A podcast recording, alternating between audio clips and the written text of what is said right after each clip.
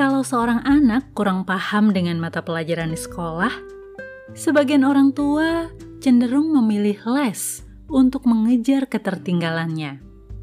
Takut nilainya buruk. Namun, apakah memiliki kekhawatiran yang sama ketika anak kurang paham tata krama, cara berinteraksi dengan orang lain, dan berperilaku dalam kehidupan sehari-hari? Cara berinteraksi dengan orang lain dan tata krama perlu diajarkan sejak dini. Hal itu menjadi peran orang tua yang dilakukan di rumah masing-masing. Tidak hanya sekali dua kali, namun perlu berulang-ulang dan dicontohkan sehingga anak dapat mengadopsinya untuk kehidupannya kini dan nanti. Sebab jika tidak, cepat atau lambat justru akan menyulitkan baik dirinya dan orang lain. Sudah dewasa secara umur, tapi perilakunya masih kekanak-kanakan.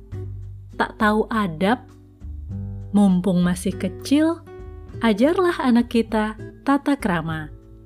Lebih baik sejenak capek sekarang daripada memalukan nanti dan lelahnya tak kunjung usai.